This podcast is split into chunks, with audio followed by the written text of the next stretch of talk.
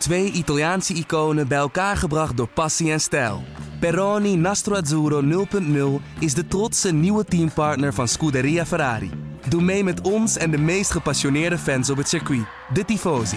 Samen volgen we het raceseizoen van 2024. Salute, Tifosi!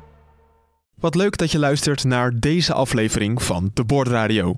Wil jij elke aflevering gratis in jouw feed hebben? Abonneer je dan nu op De Bordradio in jouw favoriete podcast-app.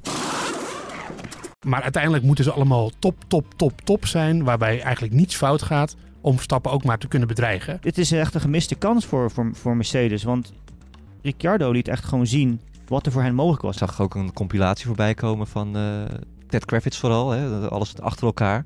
En dan lijkt het inderdaad wel heel erg alsof er een soort hetze uh, tegen Verstappen gaande is. Verstappen die kan dat zo gecontroleerd dit jaar. Dat is, ja, het is fenomenaal eigenlijk. Oh my lord! I pressed it! Traffic paradise! No biking, no, no! GP2, engines! No! It's called a motor race, okay? Sorry? We went to car racing. Welkom bij De Bordradio, de Formule 1 podcast van nu.nl, waarin we gaan terugblikken op de Grand Prix van Mexico. Yes. Uh, de, misschien wel een van de saaiste races van het jaar, maar er is genoeg te bespreken natuurlijk. Dus we gaan vast nog weer een uur vullen. Ik zie het alweer gebeuren.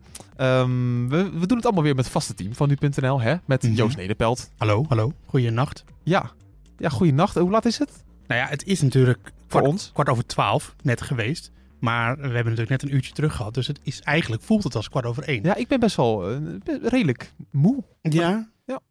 Ik ben benieuwd of Patrick Moe ook moe is. Nou, ga jij, ga, jij, ga jij nou een woordgrap Vandaag maken? Vandaag zijn de woordgrappen van mijn hand en die zijn allemaal van niveau. Let maar op. Oké. Okay. Patrick Moeke, hallo. Ja, goed. Uh, lekker begin, jongens. Ja, heel ja. goed. Nee, gaat goed met mij. Ik heb nergens last van. Ja. Topfit. Nou. Geen... Nou ja, ik ben een beetje aan het, aan het hoesten. Ik heb drie coronatests gehad. Niet, negen, niet positief. Okay. Dus uh, nee, gaat allemaal goed. Ja, ja, toch onze afstand genomen. Ja. En we zijn compleet vanavond, want ook Hoop en Toeng is erbij vanuit Hongkong. Hallo. Zeker. Ja, goedemorgen hier. Dus, uh, net na de klok van zeven in de ochtend, hè? Dus, uh, ja. Voor mij begint de dag weer. Precies, jij hebt de wekker gezet om de race te kunnen gaan kijken. Mijn naam is Bas Scharwachter trouwens. ja, wekkertje gezet. Wij hebben lang op moeten blijven voor de race. En Joost, dan krijg je zo'n race voorgeschoteld. Het was eigenlijk niet zo heel veel soeps, hè? Schuld van Mercedes. Ja, is het zo? Ja, vind ik wel. Mercedes heeft, uh, heeft de race doelbewust uh, niet spannend gemaakt. Nee, in ieder geval niet voor zichzelf. Want uh, ik snapte die start op de medium banden achteraf ook een beetje hoor. Maar snapte ik al niet helemaal. En dan dat ze daarna niet, in ieder geval met één auto, de gok namen om naar de softs te gaan. Ja, dat hielp eigenlijk alle spanning in de race wel een beetje om zeep. En uh, dus ja, ik wil niet gelijk de, hele, de diepte induiken, maar uh, ja, dat is toch een beetje de reden waarom het saai was, denk ik. Ferrari deed natuurlijk niet mee. Nou, dat, dan heb je al ingrediënten voor saai wel bij elkaar. Maar het belangrijkste ingrediënt was natuurlijk gewoon een superieure race weer van Max Verstappen. Precies. Met de perfecte start, met de perfecte eerste bocht, met de perfecte eerste stint. Ja. Uh, alles ging goed. En, ja, dat, en ja, hoe hij die tweede stint zo uitrijdt, ook gecontroleerd. Dat hebben we vaker gezien in Mexico, maar dat was subliem. We gaan uh, het zo hebben inderdaad over de banden. We hebben natuurlijk Hopin onder ons, dus daar gaan we het uitgebreid over hebben. De bandengoeroe. De bandengoeroe, zeker. Maar allereerst, oh, nou, uh, Moeke, nou, nou. er is toch weer... oh, Hopin is bescheiden met nou nou. allereerst even naar Moeke, want uh, het is een historische dag eigenlijk. Want de veertiende zege in een seizoen voor Max Verstappen. Daarmee heeft hij meer bereikt dan Michael Schumacher en Lewis Hamilton op nee, dat gebied. Sebastian Vettel. En Sebastian of Vettel. Sebastian Vettel. Die dat record nu nog deelde. Ja, ja dat is natuurlijk uh, ongelooflijk uh, bijzonder. En vergis je niet, iedereen loopt te roepen van ja, we hebben meer races in een jaar, dus het is ook logisch dat je hem pakt. Maar het is natuurlijk helemaal niet logisch. Het is gewoon hartstikke bijzonder dat je in dit jaar uh, 14 Grand Prix wint. Als hij ze alle twee nog wint, komt hij ook procentueel boven die twee coureurs die ik net noemde nog, uh, nog, nog uit. Ja, want daarover, want hij heeft nu 70% van de races gewonnen tot zover. Uh, net zoveel als uh, Jim Clark in 1963, was ook 70% van de races. Maar Michael Schumacher die won 72% van zijn races in 2004. Maar als Verstappen uh, nog twee keer wint, dan gaat hij daar ook overheen. Ja, met een aantal tiende procentpunten. Ja, dus overigens één coureur dan, om dat, dit feitje even af te maken, die procentueel het meest heeft gescoord. Alberto Ascari. Ja, dat weet Joost ja, maar dit hebben we zelfs al eerder in de podcast Ja, klopt. Maar op zich oh, ja. maakt mij dat ook allemaal niet zoveel uit. Want je krijgt, als je dat zoiets op Twitter zet, dat het toch een mooi rijtje is waar die in staat, krijg je meteen weer heel veel mensen die zeggen, ja, en zoveel races en het is toch helemaal niet bijzonder. Maar daarom maar, zijn die proce procenten zo belangrijk. Ja. ja. Nou ja, maar eigenlijk zijn ze, ze zijn belangrijk om het, om het extra eh, te duiden waarom het wel een, eh, een glansrijk record is. Dat is één ding. Maar ik had, ik, het laatste, ik had een stuk erover gemaakt over records en ook wat over getwitterd. Maar als ik gewoon alleen al het, woord record twitterde, dan krijg je al meteen eh, van die mensen van nee, de seizoenen zijn langer. Ja. En eh, versnelde ademhaling, boosheid. Eh, hoge bloeddruk als je ook alleen maar over die records begint. Want ja, de seizoenen zijn langer. En het dan is- denk ik, ja, ja we, we weten dat de seizoenen langer zijn. Dat weten we. Maar Maar het is blijkbaar gewoon heel moeilijk om gewoon ook even stil te staan van... hé hey jongens, Ja. dit maken we gewoon niet vaak mee. Een Nederlander staat in een van de grootste sporten. Want dat is Formule 1 gewoon. Een van de grootste sporten ter wereld. Voert hij zo'n lijstje aan met Michael Schumacher onder andere. Een van de grootste sporters eh, die ooit heeft geleefd. Kunnen we ook wel zeggen. Iemand die zijn sport is overstegen. Ja. ja, hij is twee keer wereldkampioen geworden. Hij is nog hartstikke jong. Gaan nog waarschijnlijk wereldtitels bijkomen. Hij pakt weer een mooi record.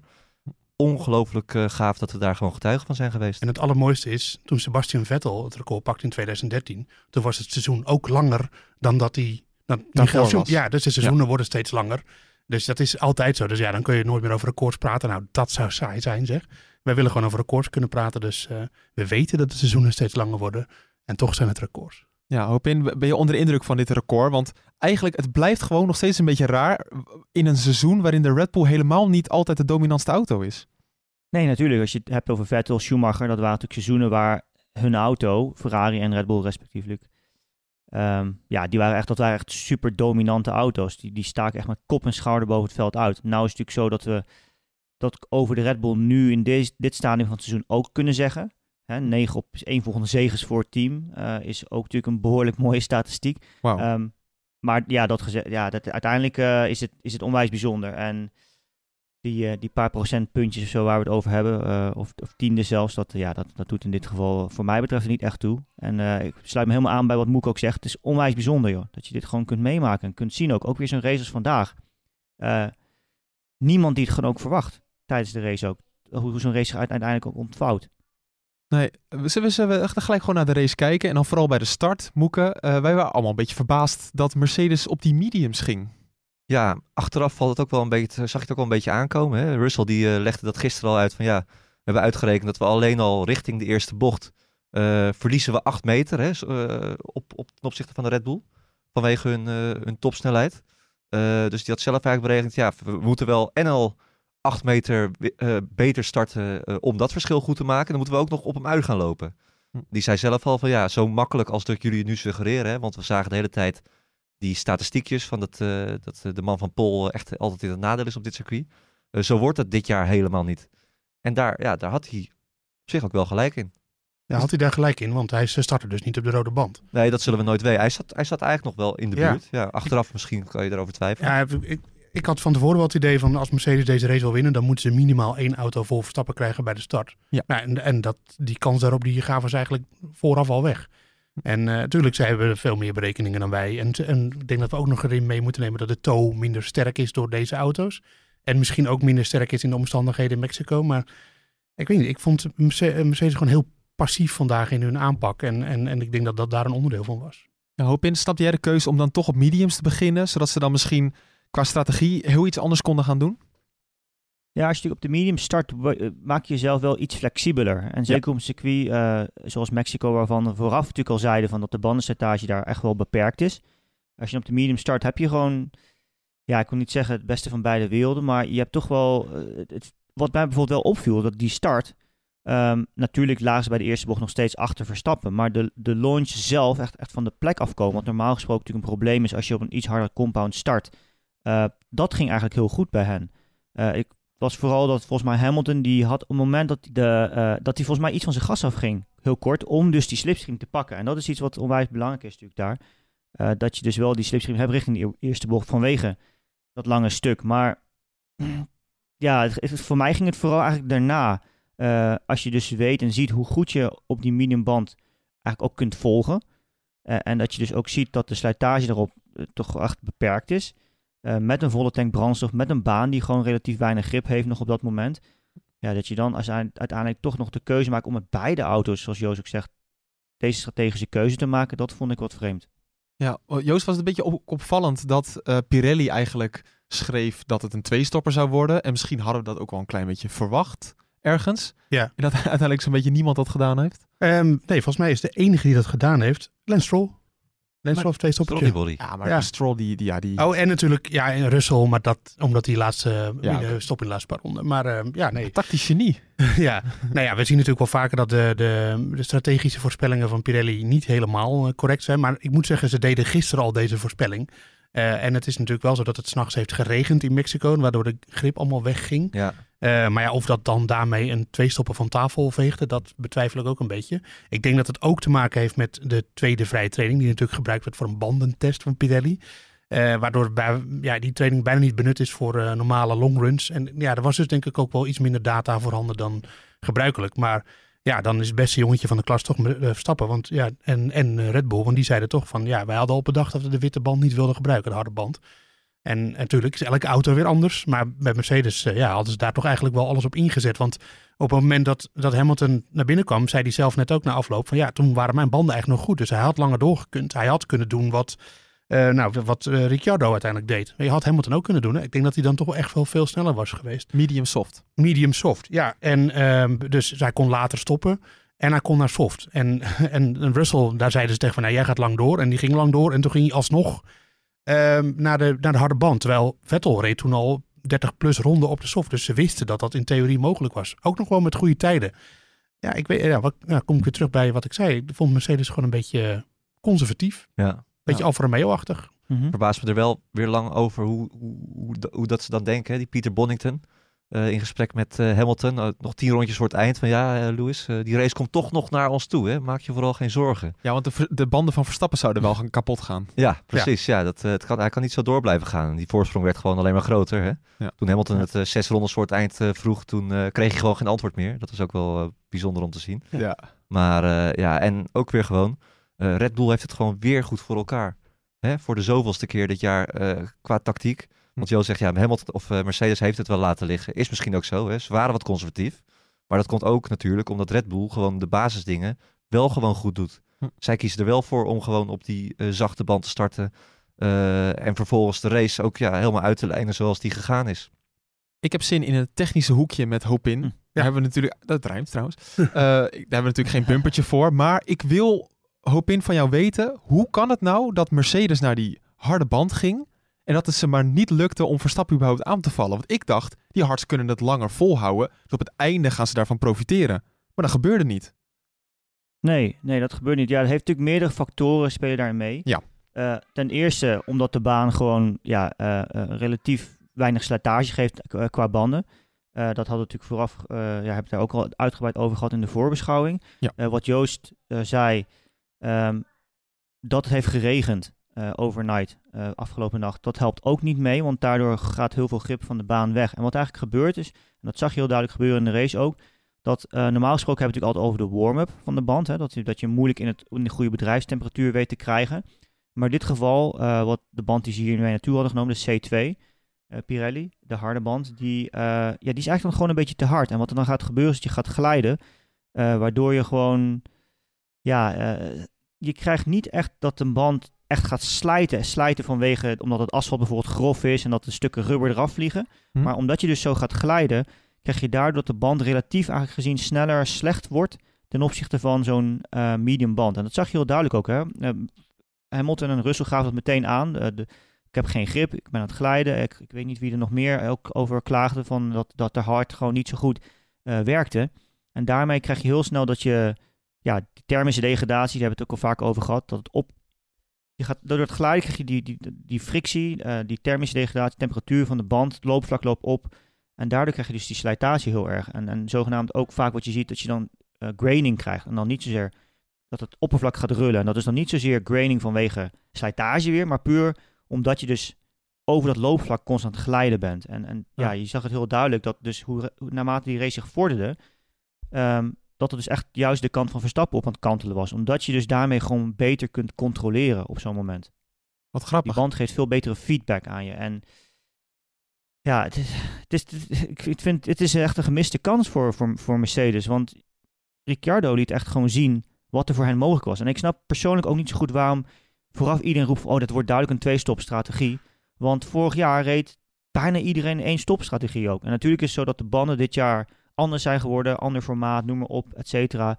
Maar eh, als je dus ook kijkt naar de afgelopen race in Austin, wat een race is die echt onwijs hard op de banden is, eh, dat hoe, hoe, hoe go- goed de levensduur daar eigenlijk was. Eh, en dat dus Pirelli besluit om dezelfde compounds, dat hadden ze natuurlijk eigenlijk vooraf al besloten, dat is niet zo dat dat pas na Austin is besloten, maar dezelfde compounds nu meenemen naar Mexico, dan kun je toch gewoon al relatief makkelijk beredeneren dat die slijtage wel zal gaan meevallen.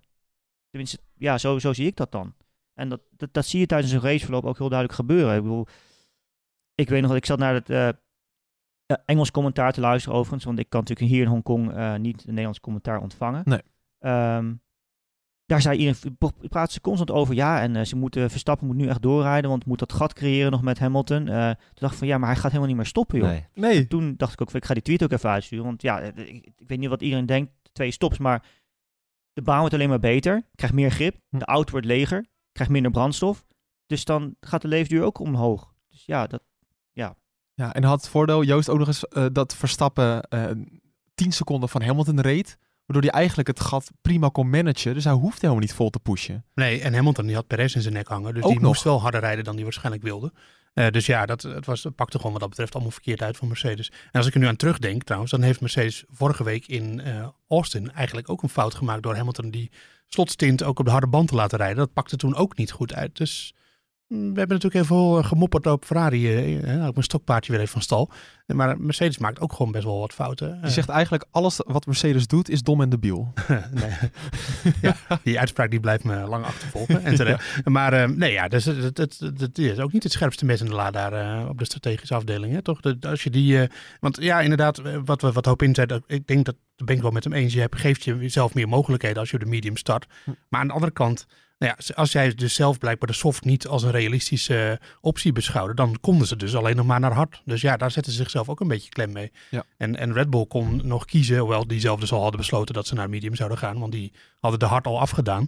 Ja, die konden, als het echt had gemoeten, hadden ze nog naar hard gekund. Dus ja, ik weet, uiteindelijk denk ik dat, dat Red Bull gewoon vanaf de start er al beter voor stond. En eh, ehm, slecht ingeschat door Mercedes gewoon. En, en de, hun beste kans om te winnen dit jaar toch een beetje...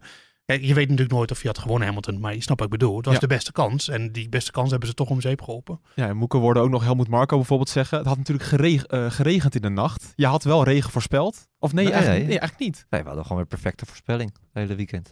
Ja, alleen had het dan natuurlijk in de nacht flink geregend. Ja. Waardoor die grip dus weg was, waar we het net over hadden. Ja. En ze wisten dus niet zo goed hoe lang die banden het daardoor konden volhouden. Klopt, in combinatie met wat Joost al zei, dat missen van die, eh, van die tweede training, waardoor eh, ja, alle longruns een beetje door de war waren, waren geschopt. Ja. Dus het was wel ja, een beetje een vraagteken voor de, voor de teams waar Red Bull dus wel weer het, eh, het beste op inspeelt. Ja. Ja. En we- ons eigenlijk is een beetje een, een mooie race ontnomen als Mercedes dus wel had opgelet. Ja, Ja. ja. je, zal het, je zal het, misschien was het iets spannender geworden, maar ik denk dat ook dan Verstappen wel wat eh, eh, had gewonnen vandaag. Het is jammer dat we geen echt direct gevecht hebben gezien tussen Verstappen en Hamilton. Nee. Dat was goed geweest voor deze race, want het was nu echt wel een beetje, ja, je noemde het in de intro al even. Eh, dit was denk ik wel gewoon de saaiste race van het seizoen. Ja, regenbuitje hadden we wel kunnen gebruiken. Zo. En, en bij de Moeke die had droog voorspeld, maar bij de kwalificatie was het risk of rain 60%. En nu Ja. voor de race eh, 40%. Ja, maar ook het dan zie je hele dat- lichte buitjes de hele tijd. Dan En zie je dat eh Moeke radar beter is dan de radar van de Formule 1. eh. Ja, credits voor Weerplaza. hè? Nee, Ja. aan jou, Moeke. Oké. Nee, gewoon jou, het is jouw informatie. Ja, oké. Ja, Ja, jij, jij, moet- jij bent de Als ik brenger. het goed heb, dan... eh, dus, eh, ja, nee. Gewoon eh, claimen. gewoon claimen. Gewoon claimen die handel. Hopin, kan jij eens duiden hoe goed Verstappen nou eigenlijk was? Want kijk, wij zien hem vooraan rijden. Hij doet zijn ding. We kennen Verstappen, eh bandenfluisteraar, bla bla bla. Maar toch is het ongekend wat hij gedaan heeft. En hij krijgt heel veel lof uit internationale media. Kan je dat eens duiden van ons? Ja, natuurlijk. Het is onwijs indrukwekkend. Eh, toen hij zijn pitstop maakte, dat was natuurlijk, eh, had, toen had hij 26 ronden op een gebruikte set softs gedaan. Hm. Eh, ja, toen moest hij dus nog 45 op, op die set mediums. En eh, op dat moment wist natuurlijk niemand of ze dat zouden redden. En, en op zo'n moment moet je als rijder ook dat goed kunnen aanvoelen. Hè? Want je moet eigenlijk aanvoelen van die eerste paar rondes al van ga ik besluiten om te pushen, om dat gat te creëren, omdat ik weet dat ik nog een keer ga stoppen. Of heb ik het vertrouwen erin en kan ik, voel ik echt meteen aan van, hé hey, wacht eens, dit moet misschien wel lukken die 45 ronden op dezezelfde set ehm, mediums. En, eh, en dat is gewoon heel erg bijzonder. En ook dat je dus vanaf dat, eigenlijk op dat moment ook meteen eh, weet dat je welke snelheid je moet aanhouden. Dat je echt tot de grip van de band, zoals we dat rijden, eh, tot de grip van de band moet rijden, zoals we dat zeggen. Die echt die overmatige slip ver- ver- vermijden. En dat is gewoon ontzettend knap. En je zag het ook hoe, hoe, hoe mooi die rondetijden waren ge- gedurende de hele race. En dat is altijd een beetje een balans, hè, want de banden worden natuurlijk wat ouder, maar el, iedere ronde wordt de auto ook wat lichter. Dat, dat brandstofeffect wat je altijd hebt.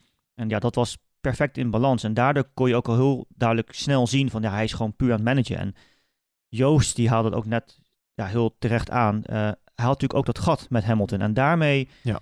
zette Mercedes zichzelf ook nog meer klem. Want ze gaven daarmee gewoon het initiatief volledig uit handen. Ehm, en ik snap het ook niet zo goed, want Russell die gaf zelf aan van ja, eigenlijk zijn de banden best wel goed nog. Kunnen we deze stint zoveel mogelijk verlengen?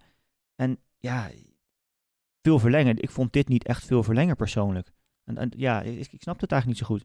Verdorie, als ik het zo allemaal hoor, is het echt een beetje gewoon bestolen. Het had zoveel leuker kunnen zijn. Ja, ze had het Verstappen in ieder geval moeilijker kunnen maken. En hoe goed Verstappen dan ook... De, ja, die, die was van zichzelf gewoon heel erg goed. Alleen, ja, Mercedes... En, en dat is eigenlijk ook een beetje het verhaal van het hele seizoen. Wat je steeds weer ziet, is dat... ehm, er zijn, soms is Ferrari heeft een hele snelle auto. Soms heeft Mercedes een hele snelle auto. Ja. Soms is Perez heel snel. Maar uiteindelijk moeten ze allemaal top, top, top, top zijn. Waarbij eigenlijk niets fout gaat om Verstappen ook maar te kunnen bedreigen. In de race, daar heb ik het vooral over. Eh, en, en, en zaterdag zelfs ook in de kwalificatie. Ik denk dat Moeke, die, eh, die, ligt, eh, ja, die ligt de ballonafdeling. hoor. Ja, Eh, Even nog even een coronatestje doen, moet ik ja, zeggen. heeft er al drie Ik heb gedaan. er al drie gedaan op pin. Net Ja. nog eentje hier. Ik denk dat er een nieuwe variant gedetecteerd is. Ja. Veel van zijn hoesten zijn er al uitgeknipt. Dus Ja. Mooi, hij, is, hij, hij hoest altijd. Ja, dat is wel waar. Ik Ik doe altijd één keertje, maar jij doet het. Ja. Anyway. ehm, ik was, ha- harde, harde bandallergie. ja, ik was mijn lofzang over Verstappen aan het doen. Ehm, En ehm, eh, om terug te komen dus. En, ja, en je ziet gewoon dat ze dat, dat, ze dat allemaal niet doen steeds. Ja. Dus Ferrari maakt, laat ze, eh, op momenten dat ze Verstappen aan kunnen vallen, laten ze gewoon, eh, laten ze gewoon liggen. Eh, Mercedes laat het vandaag weer liggen. En, en dat is eigenlijk dus, daarmee geef je dus gewoon een kracht aan. Verstappen maakt nooit fouten. Bijna nooit. Eh, en als het fouten zijn, zijn het kleine fouten. Nou, Red Bull is niet helemaal foutloos. Want vandaag de eerste stop met Perez natuurlijk. We zijn, vorige, seconden te lang. we zijn vorige week vergeten. eh, en, en we zijn eh, natuurlijk Singapore. band was dat toch? Vorige week? linksachter. Ja, ja, wel opvallend. Scherp, ja. Oh. Dus ja, Red Bull is niet eens foutloos, maar Verstappen is natuurlijk foutloos. En, en als je dan niet, je moet gewoon perfect zijn om Verstappen aan te kunnen vallen. En dat was Mercedes niet. Wij hadden het op de redactie over de laatste fout van Verstappen die we ons echt konden herinneren, Moeke, Barcelona, hè? door die windvlaag. Ja, kan je ook nog over... Ja, dat, ja precies. Dat, Ja, maar eh, dan kan je nog, ja, ja, maar de- hij ging wel door het grind. Ja, Ja, nee, precies. ja, Ja, op een gegeven moment eh, moeten we wel een beetje kritisch blijven. Dat was gewoon eh, die, eh, die windvlaag, die had hij moeten zien aankomen. maar, ja. ja, belachelijk. Belachelijk. Wat een blunder. Ja, maar ja. ik, ik denk dat je er als concurrent ook wel moedeloos van wordt. Dat Nou, dat kan- weer voor je rijdt. En dat Ja. je toch weet, hij gaat geen fout maken. Hoe moet ik daar in hemelsnaam nog voorbij komen? Ja, maar dat wil, wil ik dus van op in weten. Van hoe kom je als coureur op, op, een, bega- op een gegeven moment in een soort van modus dat je, dat je die fouten gewoon niet meer maakt. Dat is, want foutjes liggen steeds op de loer. Het is moeilijk, Formule 1 rijden. Nou ja, ik denk ook dat het komt. Dat, je, dat geeft ook aan hoe comfortabel hij op dit moment is in de auto. En hoe, hoeveel controle hij ook heeft. Eh, natuurlijk, als je echt. Dat, en dat zien we heel duidelijk. Dat zagen we natuurlijk heel duidelijk vaker bij, eh, bij Ferrari en bij, bij Leclerc ook. Als je gewoon constant wordt, wordt gepusht om op die limiet echt te, rijden. Dan ga je daar toch sneller wat overheen. En ik wil niet zeggen dat Verstappen niet op de limiet rijdt. In, eh, tegendeel. Maar het is allemaal ontzettend gecontroleerd. En dat, ja, hij, hij heeft dat vertrouwen. Dat vertrouwen met de auto. En ja, alles ja, werkt op een gegeven moment. kom je echt in die modus. En ja, je ziet het vandaag, ook, ik zei ook alweer. Die, dat gevoel met die auto is zo ontzettend belangrijk. En ja, dat, dat, dat, dat ontbreekt bij heel veel anderen nog steeds op dit moment. En dat heeft er denk ik mede mee te maken toch wel hoe, hoe die auto's ook veranderd zijn dit jaar. Dat ze veel stijver zijn geworden. Want een auto die veel stijver is qua vering en demping, eh, geeft gewoon wat minder feedback ook aan een rijder. Het is, ja, je hebt er gewoon minder gevoel mee. En ja, dat heeft hij echt perfect onder controle op dit moment. En ik vond het op zich wel, wel interessant, ook als je ziet commentaren die je nu ook begint te lezen in de, in de verschillende media over verschillende rijstijlen, ook binnen een team en rijders die elkaar proberen te imiteren wat dat betreft. Hm. En dat is iets, eh, als, je dat, als, je, als je dat pad gaat inslaan, dan verlies je ook een beetje dat natuurlijke gevoel wat je als rijder hebt. En natuurlijk is het zo dat je dan op een gegeven moment wel een bepaalde snelheid kunt krijgen. En ja goed, we, met, met Moeke ook geschreven in onze eh, voorbeschouwing ook van ja, eh, en Perez kan bijvoorbeeld natuurlijk ook wel kijken naar wat Verstappen doet. En, en het is een soort van graadmeter en een soort van lijn dat je die, die kunt volgen ook qua data. Ehm, maar het gaat toch vaak tegen je natuurlijk in. Want als coureur rij je altijd tot de limiet, in zekere zin. En ja, Verstappen die kan dat zo gecontroleerd dit jaar. Dat is, ja, het is fenomenaal eigenlijk. Ja, Vond wel grappig wat Sainz erover zei. voor. Sainz die zei van, eh, ja, die moest heel erg wennen aan deze auto's. En Ja. hij zei, nu heb ik Ja, eindelijk heb ik de, de, deze auto in de vingers. En nu is hij langzamer. ja, dat is balen. Misschien ging hij gewoon te snel voor Sainz. Ja, maar hij was wel sneller dan Leclerc. dit- Ja, dat zou kunnen. Hij was wel sneller dan Leclerc dit weekend. eh, Ja. Dus eh, ja, Ja, Ferrari eh, was echt nergens te, te bekennen. nee. En dan moet ik gelijk het boetekleed aan, eh, aantrekken. Samen met Opin, want wij zeiden dat Leclerc ging winnen. Echt Maar- waar? Ja, dat hebben we Ja, gezegd. absoluut. Ja, ja. Op basis waarvan Ja, dan? maar ik, Ja, op basis van die hoogte. Maar uiteindelijk bleek dus... En dat was nog een beetje giswerk. Want, maar uiteindelijk bleek dus Ferrari vooral getroffen te worden door die grote hoogte. Ah, 2000, 2200 meter of zo. eh, Hm. Hoog. Heel hoog. heel hoog. En dat komt, daar hebben we gelijk een verklaring voor. Ehm, Ferrari heeft een kleine turbo. Daar heb ik ook wel eens last van. Ja, Ja. Ja. dat is gewoon een hele slechte grap. Ik, op sorry, ja. tijdstip was. Dat Tegen door. is zo'n hele- het slaat helemaal nergens op. Ja. Ja, heb ik ook wel eens. Heb jij een turbo dan? Nee, Dat is nee, een het, grap slaat, nou weer. het slaat nergens op. Ach man. Ehm, anyway, eh Ferrari heeft een kleine turbo. Eh, dat heeft ook voordelen natuurlijk. Dat hoeven we nu niet allemaal te behandelen. Maar nou, ik denk dat dat komt dat hij dan sneller opspint. Hè. En voor de mensen die weten, niet weten wat een turbo doet. Een turbo die wordt, eh dat is eigenlijk een compressor en een turbine. En die wordt aangedreven door de uitlaatgassen. Dus die stromen langs de, een soort van, ja, hoe moet je dat noemen? Een soort propeller, zeg maar, achtig ding. En er zit er een as aan een eh, compressor. En die zorgt juist aan de andere kant dat de lucht onder hoge druk die cilinder in wordt geblazen. En dat maakt het verbrandingsproces in de motor effectiever. En dat formaat van de turbo ligt niet vast. eh, en je wil natuurlijk in principe dat de turbo zo snel mogelijk opgespind is. Want dan heb je minder last van eh lag. Dat betekent dat als je met een turboauto het gas intrapt, dat het even duurt voordat de turbo op gang komt. En dan gaat hij pas echt pushen. Dat is een soort, dat heet turbo lag. En als je een kleine turbo hebt, dan is hij eerder opgespind. Dus heb je minder last van turbo lag. Dus daarom heeft Ferrari waarschijnlijk een kleinere turbo. Volg je nog niet? Je- Nou, ja, ik, ik, ik zit altijd in mijn hoofd. van mijn vader luistert dan deze podcast. Ik die kan dit niet herhalen. Nee, maar Deze- hoeft, deze- hoeft ook niet. Hoeft ook niet. Nee. Daarom denk ik, probeer ik het ook zo snel mogelijk te vertellen. Want degene die nu snapt waar ik het over heb, die, eh, die weten het nog. Ja, oké. Eh, eh, Ferrari heeft in ieder geval een kleine turbo en dat is nadelig op de grote hoogte. Want eh, daardoor Het heeft ook met hitte te maken. heeft het ook met oververhitting te maken, inderdaad. Ja. Oké. Dat ik maar gewoon eh, afkappen hiermee. Mooi, ja. Jij komt me volgen toch? Of niet? Ja hoor, Ja, ik wel. ja, zeker. Ja, nee, het, het, het klinkt Ja, hadden- denigrerend als je daar niet op ingaat. Maar het is gewoon het is een moeilijk, complex verhaal. Maar het is mooi dat je Ja, het maar zo het zou toch zonder wel eens... eh, is niet om, eh, om eh, gewoon, niet om, niet om bedweterig te doen, helemaal niet. Maar echt het, eh, de autotechniek en Dat is mooi. is, is fantastisch. Om gewoon, ik, ik kan nog steeds gewoon niet bij dat er mensen dagelijks in een auto stappen, de sleutel omdraaien en dan niet weten wat er gebeurt daar onder de motorkap. Dat begrijp ik gewoon niet, dat je dat, die interesse niet hebt. En het is zo, en ik leg me daar gewoon bij neer dat mensen zo zijn. Ja. Eh, maar ik zou zelf, als ik de sleutel elke dag van een machine omdraai, wil ik toch weten, wat gebeurt er dan eigenlijk? Waarom gaat die brommen? Waarom loopt de benzine uit de tank? Weet je wel, ja. Dan wil je toch weten wat er dan gebeurt in, de onder, in het vooronder. En, eh, maar dat interesseert mensen dus gewoon niet. Dat, ja Maar Moeke, wat rij jij? eh, Volkswagen Bora. Ja. ja Die maakt ook een gek geluid. eh, Ja. als eh, mensen weten hoe het komt. Ja. Als ik gas geef, maakt hij een soort zoemend geluid tegenwoordig. Dus eh, ja. Speaking of gek geluid, de Ferrari maakt ook een gek geluid. Inderdaad, een Ja. soort piepende, Ja. fluitende toon. Ja, maar dat is niet de turbo, denk ik. Dat, ik werd op tv gezet net, maar ik denk dat dat... Want eh, Al, al het kalf oh, zei... ze- dat het door de grote hoogte komt. Maar dat Ja. is denk ik niet zo. Want dat was vorige week. Kijk, de onboard van Sainz de maar terug. Dan had hij het ook al. Ja. En Texas is niet op grote hoogte. Tenminste, wel groter dan NHP, maar niet zo hoog. Het gebeurde wel in die hoge bocht. ja, ja. Dat zou nog kunnen. Maar ik denk dat het met het hybride systeem te maken heeft. Het is in ieder geval zo, en dat kan, dat, dat sluit niet uit dat het de turbo is. Maar zodra ze het niet helemaal vol gas geven, dan is het er. Dus ik denk dat het met de MGUH of de MGUK te maken heeft. En je moet ook niet vergeten dat zo'n onboardcamera heeft ook gewoon een microfoon natuurlijk. En die zit ook ergens in de auto. En die zit niet altijd bij de camera. Ehm, dus het kan ook zijn dat ze gewoon de microfoon op een andere plek hangt. En dat je daardoor ineens dit geluid hoort. Dat kan. Dat is ook een mogelijkheid. Ehm, dan gaan we even door naar de driver of the day. Moeke? Verstappen? Nee, Danny Rick. Danny Rick. Oh, Danny Rick. Kenny Rick. Geweldig. want het is best wel een mooi verhaal. Jij hebt tijdens de race nog gezegd, oh, wat een treurig einde wordt het allemaal. Ja. Uiteindelijk zet hij nog een prachtige race neer. Ja, hij wordt gewoon zevende. Ondanks een tijdstraf. eh, klopt dat? Ja, zevende. Ondanks een tijdstraf van 10 ja. seconden. Wat vond je van die tijdstraf?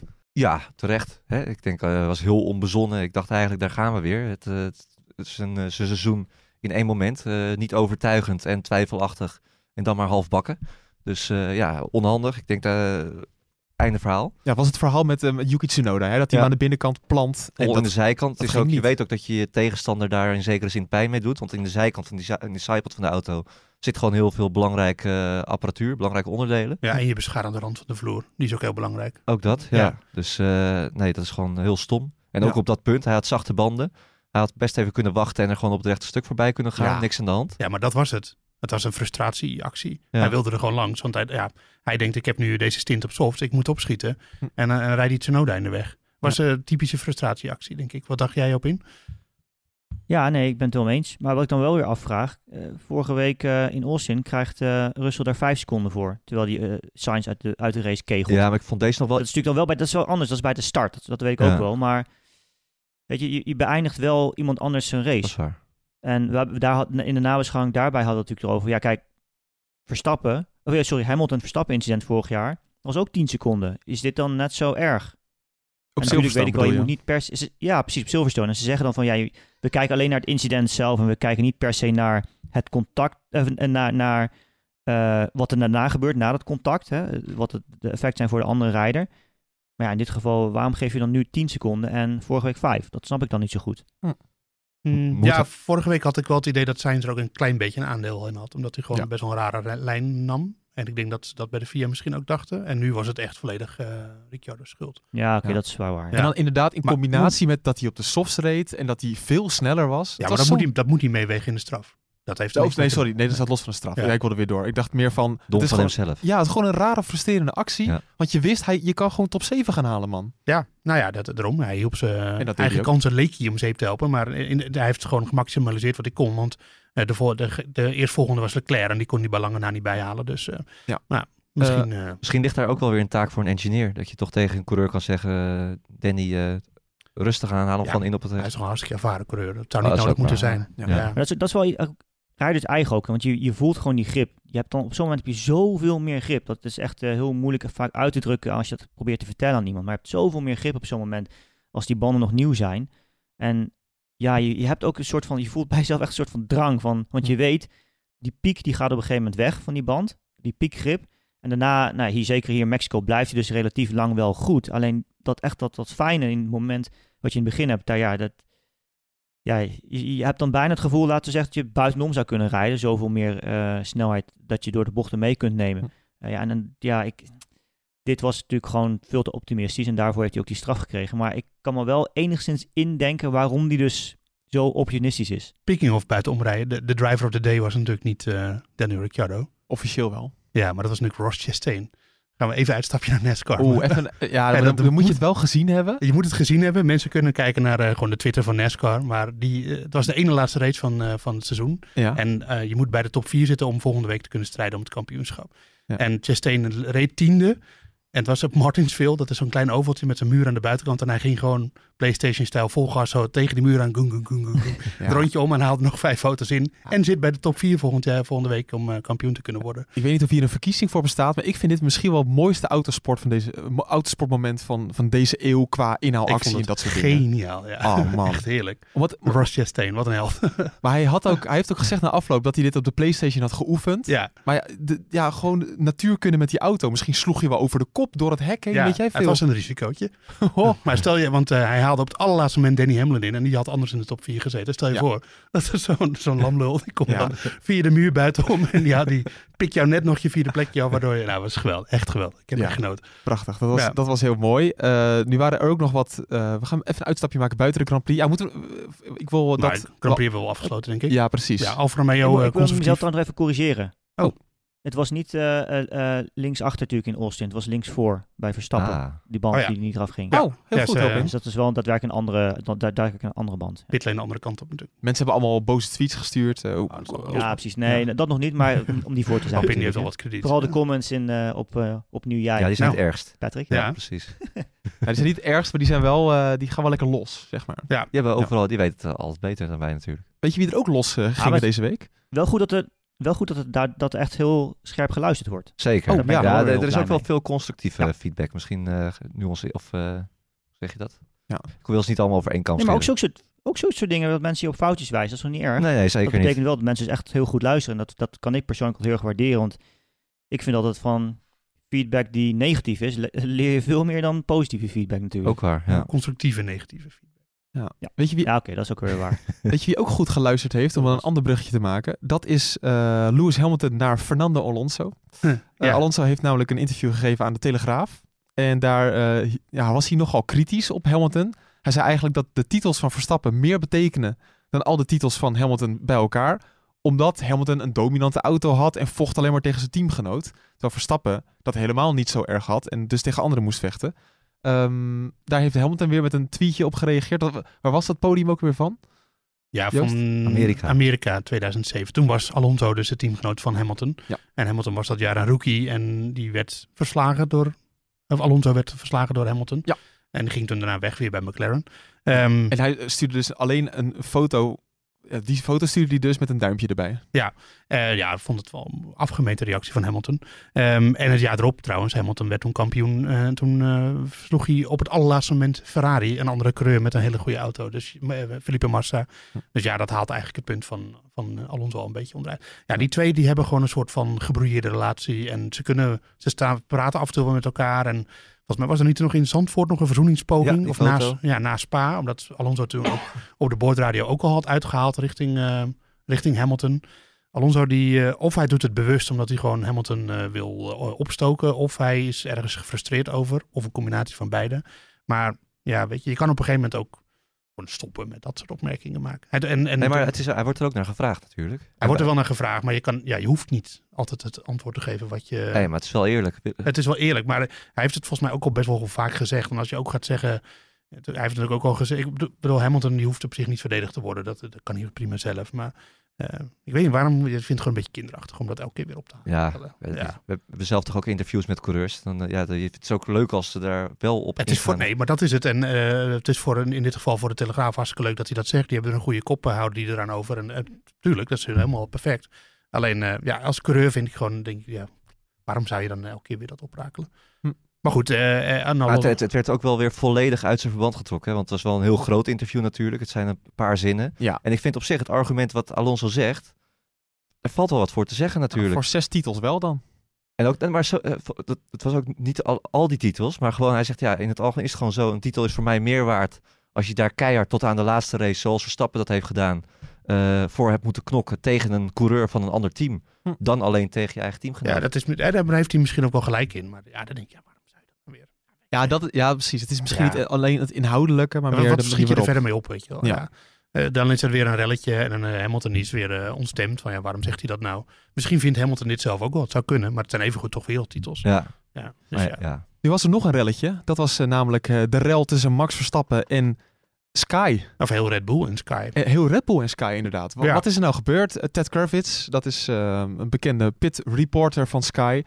Die was een beetje cynisch over Verstappen in een, eh, na Amerika. Ja. Eh, had het steeds over that guy. Begon weer over dat eh, Hamilton bestolen was van zijn titel afgelopen jaar in Abu Dhabi. Ja. Nou goed, dat inhoudelijke, daar kan je nog over discussiëren natuurlijk. Nou, ik denk dat het ergste wat hij zei, wat denk ik het meeste steekt, tenminste dat vond ik ook het meest onredelijke, Hm. dat hij zei dat Verstappen niet op een normale manier een kampioenschap kan winnen. Ja. Ja. En dan doelde hij natuurlijk op Abu Dhabi, waarin... eh, Ja, en Japan. controverse- Ja, net alsof Verstappen daar wat aan kan doen. ja, Ja. Dat, is- en, en Verstappen kon toch ook helemaal niet in Abu Dhabi doen. Ik bedoel, je kan natuurlijk twisten en dan gaan we niet allemaal weer oprakelen over wat de FIA daar Nou. gedaan heeft. Nee, daar gaan we absoluut niet aan beginnen. Maar, eh, maar, maar, maar Verstappen kon daar niets aan doen. Die profiteerde gewoon van de kansen die hem daar geboden werden. En klaar, die werd... En ja, je wordt ook, vind ik, niet alleen kampioen in de laatste race. Want dat, je bent kampioen over een heel seizoen. Ja. Dus ehm, ja, En nu heeft eh nou, kamp Verstappen, maar vooral kamp Red Bull besloten om niet meer te praten met Sky. eh, alleen voor, in Mexico. Ja, voor onbepaalde periode. En nu in ieder geval even voor dat zei Mexico. Horner net, ja. Ja, naar aanleiding van die woorden. Ehm, toen dacht ik, wat vinden jullie daarvan? Alle, Moekes, mag ik even naar jou kijken? Het werkt een beetje twee kanten op. In principe is mijn eerste gedachte denk ik altijd van ja, je moet gewoon iedereen te woord staan. hè. Je kan er ook boven staan. Maar inderdaad, eh, ik zag ook een compilatie voorbij komen van eh, Ted Kravitz vooral. Hè, alles achter elkaar. Ja. En dan lijkt het inderdaad wel heel erg alsof er een soort hetze eh, tegen Verstappen gaande is. En dat, eh, ik kan me wel voorstellen dat als je daar continu maar op gewezen wordt, dat je ook wel zoiets hebt van ja, hé jongens, eh, ik ben er ook wel een keertje klaar mee.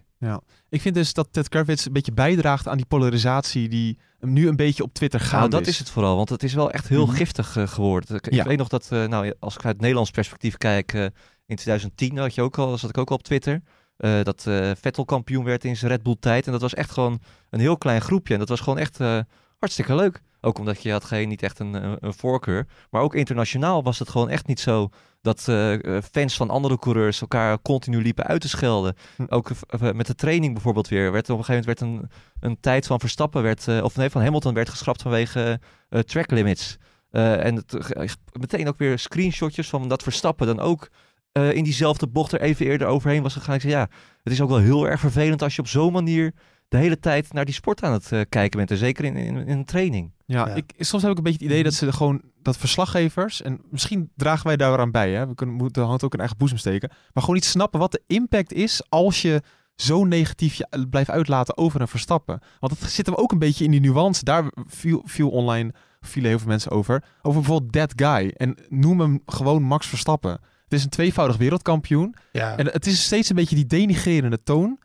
ja, eh, waardoor Verstappen best wel op Engelse televisie in kwaad daglicht wordt eh, gezet. ja, op Engels. Nou ja, goed, laten we niet gelijk de hele Engels. Ik, ik bedoel, ik kijk ook niet Sky- heel vaak naar Sky. Ja. Dus ik weet ook niet wat, wat Johnny Herbert en want die naam komt ook vaak voorbij. En Damon Hill. Nou ja, Daar allemaal- sturen we toch onderling naar elkaar door, Joost. Wat. Johnny Herbert over Verstappen soms zegt. Ook een denigrerende Ja. manier, ook hem uitlachen. Ja, maar ja, ik denk dan, weet je wel, dat ik, ik heb de afgelopen ehm, jaren ook eh, naar de Ziggo veel gekeken, wel. En daar was de toon zeggen. ook niet altijd heel objectief. Nee, maar, Zeker nog, die ja. hebben, die, dat vind ik ook nog steeds, dat, die, dat is natuurlijk nu allemaal lang eh, weer vergeten. Maar oh, die zijn over bijvoorbeeld Vettel vooral ook best wel heel, nou ja, demoniserend geweest, vond ik. En, Ja. eh, en, en, en uiteindelijk over Hamilton ook. Dus het gebeurt ook aan beide kanten. En het is aan beide kanten niet goed. Hm. En, en zeker Sky, wat gewoon best wel een internationale zender is eigenlijk. Het is natuurlijk van oorsprong wel Brits, het is een Britse club. Die, Ja.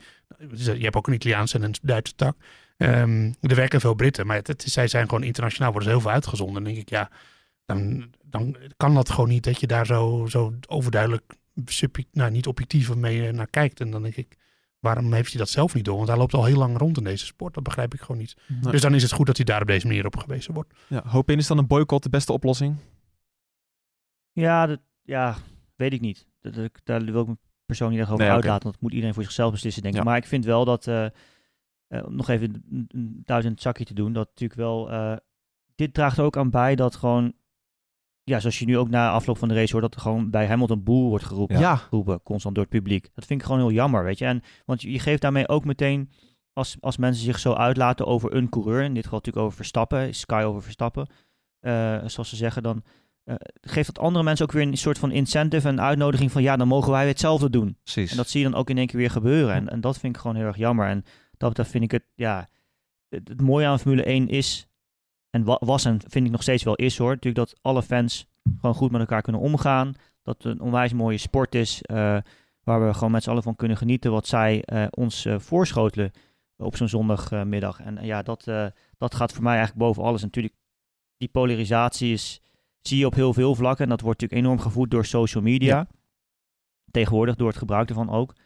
Ehm, ja, hopelijk eh, wordt dat minder. Want het ja, draagt niet echt per se bij aan de sport, denk ik. Nee, de sfeer is ook zo giftig als je kijkt hoe dat gedoe ook met die budgetcap eh gaat. Hè? Hoe Ja. mensen dan tegen elkaar tekeer gaan. En dat zijn niet alleen de fans, maar ook gewoon de teambazen. Eh Zack Brown die, het, die die brief heeft geschreven naar de FIA en vervolgens in alle media loopt te verkondigen hoe hard Red Bull moet worden aangepakt omdat ze ja, niet op een eerlijke manier kampioen zijn geworden. Hm. Toto Wolf die al een paar keer een duit in het, eh, in het zakje heeft gedaan. Eh, nou, Horner reageert daar dan ook weer op. Hè. Het is heel erg iedereen tegen elkaar. We, ja, voor- kijk, Formule 1 is het is ook gewoon, het is ook gewoon sport. Het is vermaak, het is entertainment. Ja, maar het is ook competitie natuurlijk. Ja, ja, Ja, ja, en- precies. en- maar we en- moeten niet vergeten, we gewoon, het moet ook Emotie. eh, eh, en emotie, maar Ja. uiteindelijk blijft het sport. En het, ja, het, het, het- het moet wel leuk blijven. Ja, Gewoon. maar waar- dat, dat is al zo. Maar waar gaat, het dan, waar gaat het dan precies mis? Kijk, dat die teambazen onderling proberen die competitief denken en elkaar proberen de loef af te steken, dat is één ding. Maar je kan je dat dan niet als persoon met een Twitter-account een beetje van een afstandje bekijken. Ook een beetje zo bekijken van, nou, ze, ze doen er allemaal aan mee. Want dat is natuurlijk het hele probleem. De, de, de Nederlandse tak die, die gelooft alles wat Horner zegt. Alles wat Horner zegt is waar. Weet je wel, over, ook over die budgetkwestie. Dat is allemaal waar. En Ja. alles wat de anderen doen, dat is allemaal fout. Nou, zo zit het natuurlijk niet in elkaar. Eh, dat, zo werkt het natuurlijk niet. En, en, en, en dus als je daar niet met een beetje helikopterview naar kan kijken, dat je het gewoon laat ze lekker met elkaar kibbelen. Maar laat ik gewoon niet eh, één kant kiezen. Want als je altijd maar één kant kiest, ja, dan dan zit je er ook al heel snel heel fundamentalistisch in. En dan word je heel snel heel boos over wat de andere kant doet en wat Toto Wolf allemaal roept. En Ja. Toto Wolf gooit weer olie op het vuur. Maar Christian Horner is niet veel beter dan, dat, dan Toto Nee, nee, ik zeg niet dat jij ja. dat zegt. Dat zeg ik meer. de- want eh, ja, als je ziet ook gewoon, als het Toto Wolf weer iets zegt, als je die reacties daar ook ziet, weet je wel. Dan Nee, maar ja, het, het is aan alle kanten. Horner doet het zelf toch ook. Die, Ja, die, die is ook al een groot politiek dier. Die is ook, eh, en dat, dat is gewoon hoe dat gaat. En dat moet je gewoon zien als een wereldje op zich. En daar hoef je niet, je hoeft niet per se een kamp te kiezen. zeg maar. Je kan ook gewoon genieten van de sport, fan zijn van de coureurs. En laat die teambazen maar lekker kibbelen. Maar ga vooral niet gewoon zo fundamentalis- fundamentalistisch erin zitten. Weet je wel, dat je... Ja, dat snap ik gewoon niet helemaal. Het is één grote strijd, één grote kibbelpartij. voetbal. Ja, van jongens, eh, mijn coureur is de beste. Mijn coureur is vorig jaar eh, ten onrechte tweede ge- geworden. Of eh, ja, heeft eh, wel gewoon... eh, Ja. Het, het, het is eh, wij tegen zij. eh, het, het, het is verschrikkelijk eigenlijk. Ja. Hoop in? Ja, het is natuurlijk wel. Het, het creëert wel ook wel weer natuurlijk veel eh een rumoer voor de sport. Hè? en je ziet ook dat, dat is ook mensen. de, de sport blijft gewoon zeven dagen per week. Vroeger was het alleen nou, dus zo'n weekend en dan daarna. Ertussen was het eventjes toch van, ja, een be- beetje duimen draaien. Maar nu gaat het gewoon de hele week door, joh. Iedere dag eh, gooi je social media open of nieuws open. Dus iedere dag vind je echt pagina's met artikelen natuurlijk, die erover geschreven worden. En dat heeft natuurlijk daar ook wel weer mede mee te maken. Ehm, overigens wil ik nog even terugkomen op eh, dat commentaar van Alonso. Zo, ik ben een beetje laat misschien daarmee, maar eh, ja, ik, ik, zat er even over na te denken.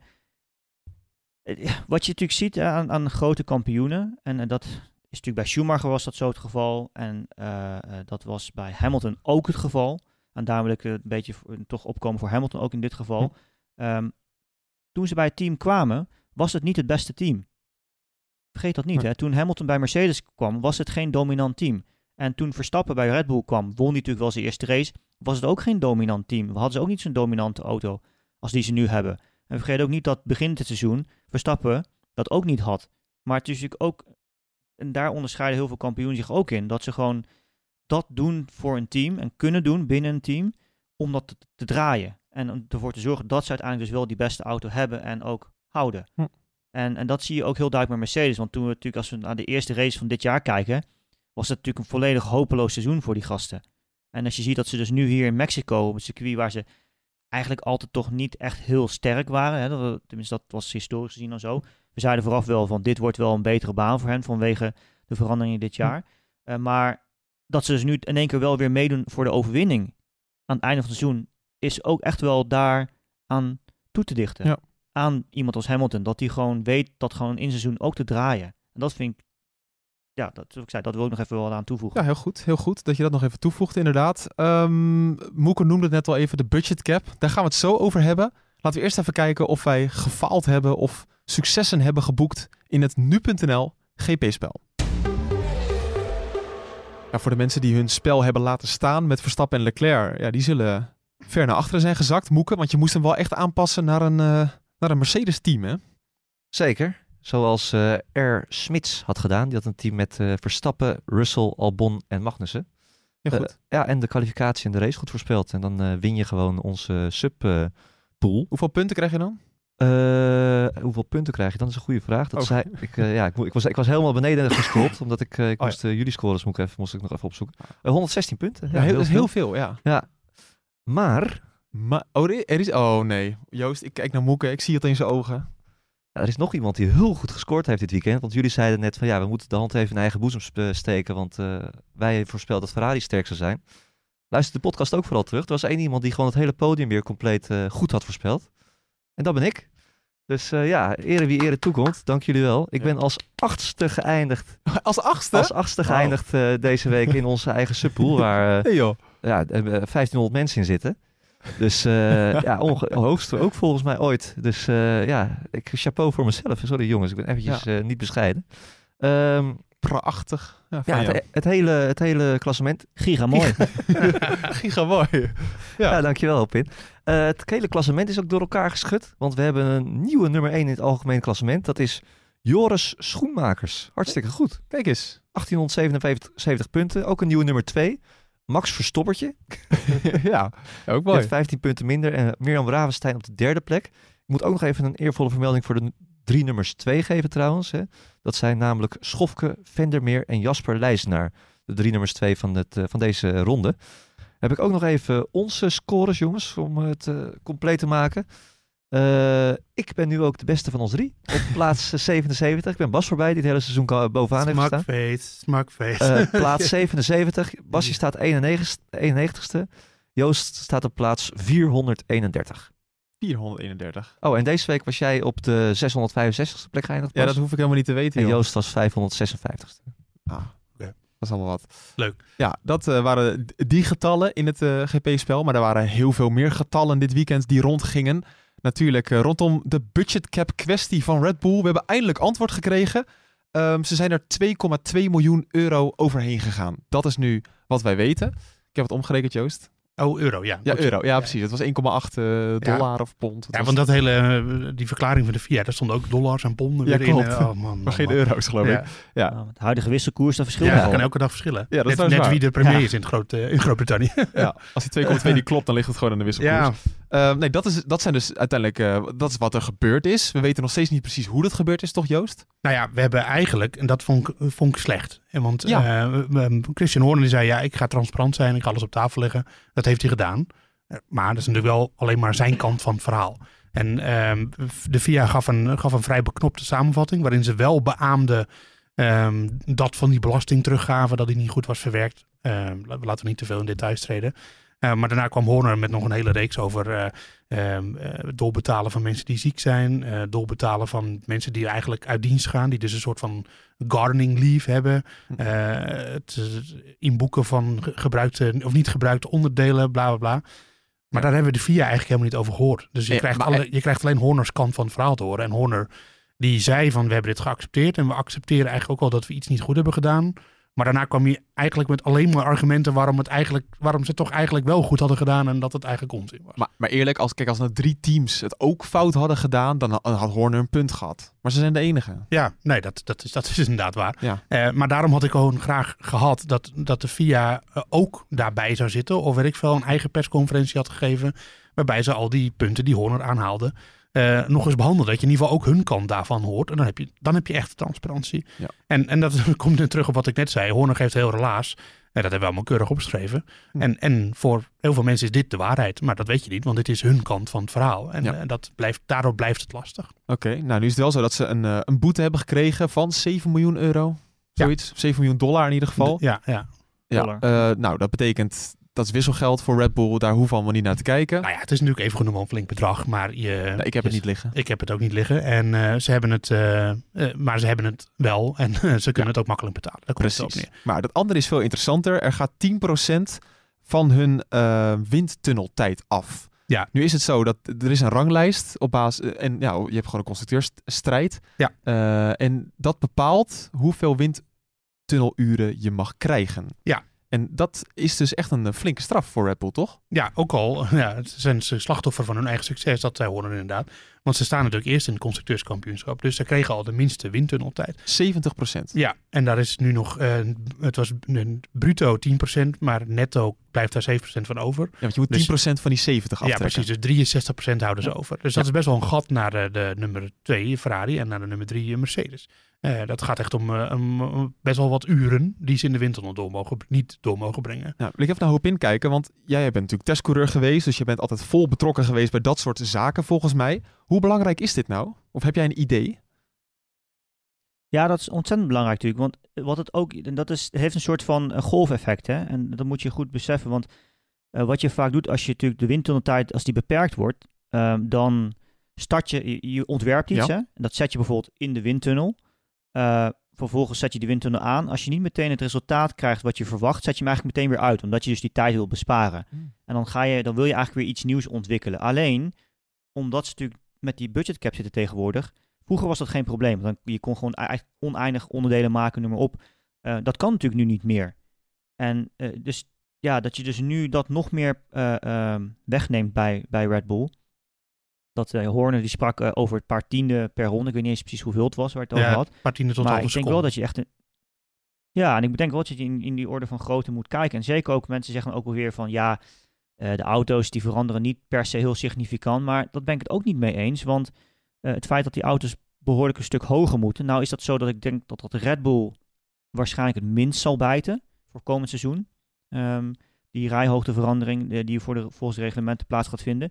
Ehm, maar we hebben wel gezien dit jaar dat het gewoon een paar millimeter hoeveel verschil dat kan maken. En als je dus die tijd dan niet hebt om zoiets te corrigeren, niet alleen windtunnel, hè, overigens ook CFD, dan ehm, ja, dat, dat gaat zeker op performance kosten. Dat, hoe je het went of keert, dat, dat kost gewoon performance. Ik hoor eh, CFD.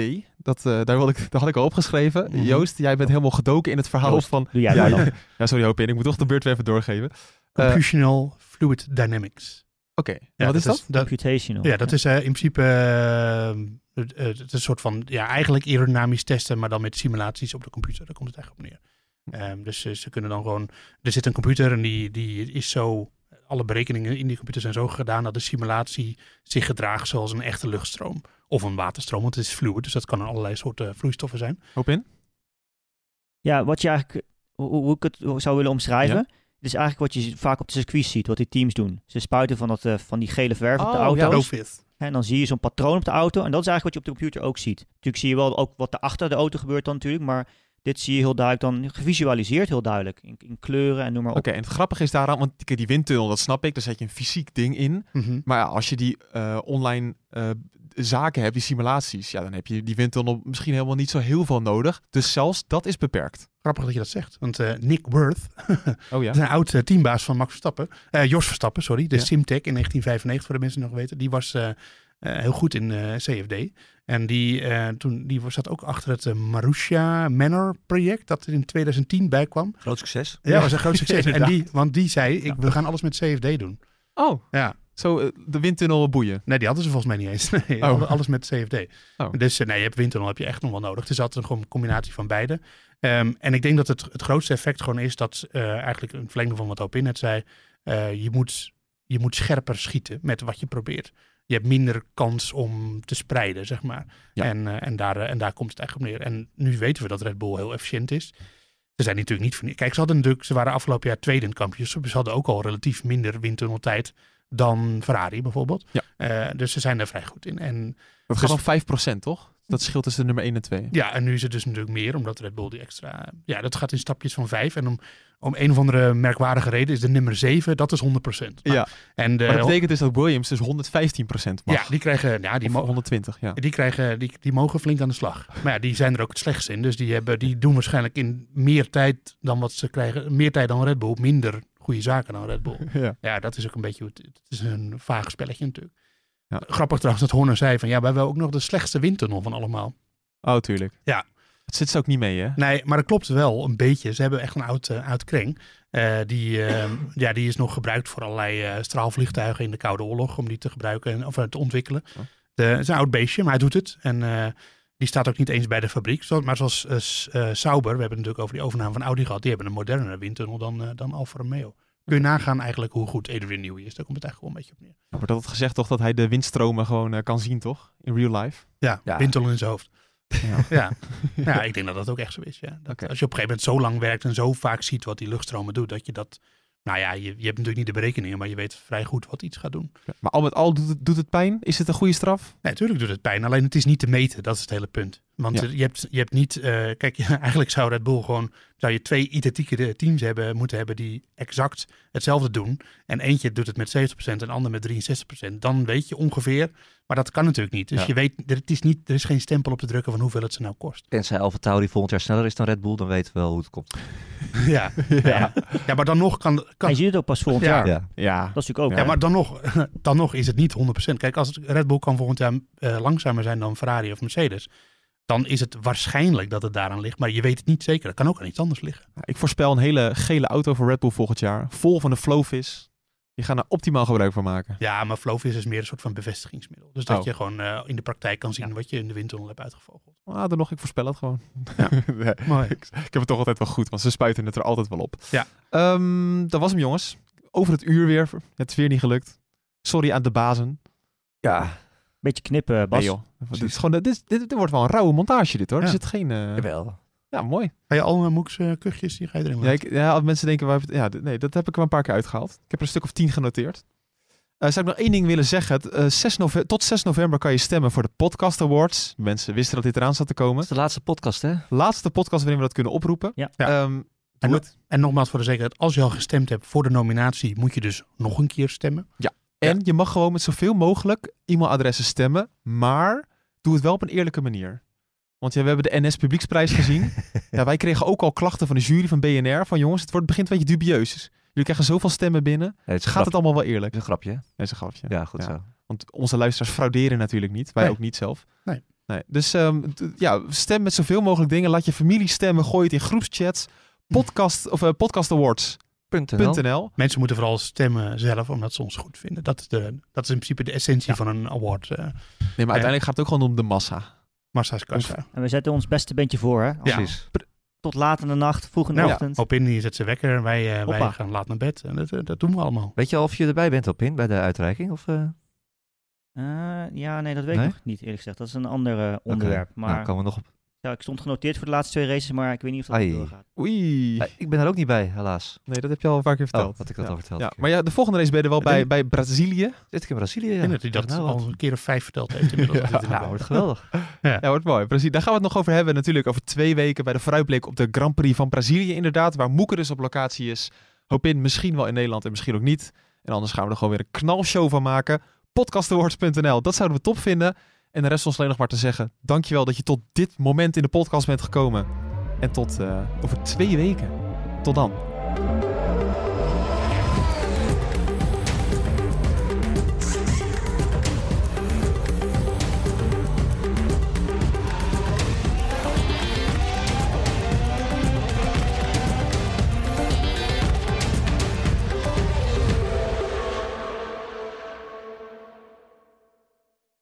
Twee Italiaanse iconen bij elkaar gebracht door passie en stijl. Peroni Nastro Azzurro 0.0 is de trotse nieuwe teampartner van Scuderia Ferrari. Doe mee met ons en de meest gepassioneerde fans op het circuit, de Tifosi. Samen volgen we het raceseizoen van 2024. Salute, Tifosi!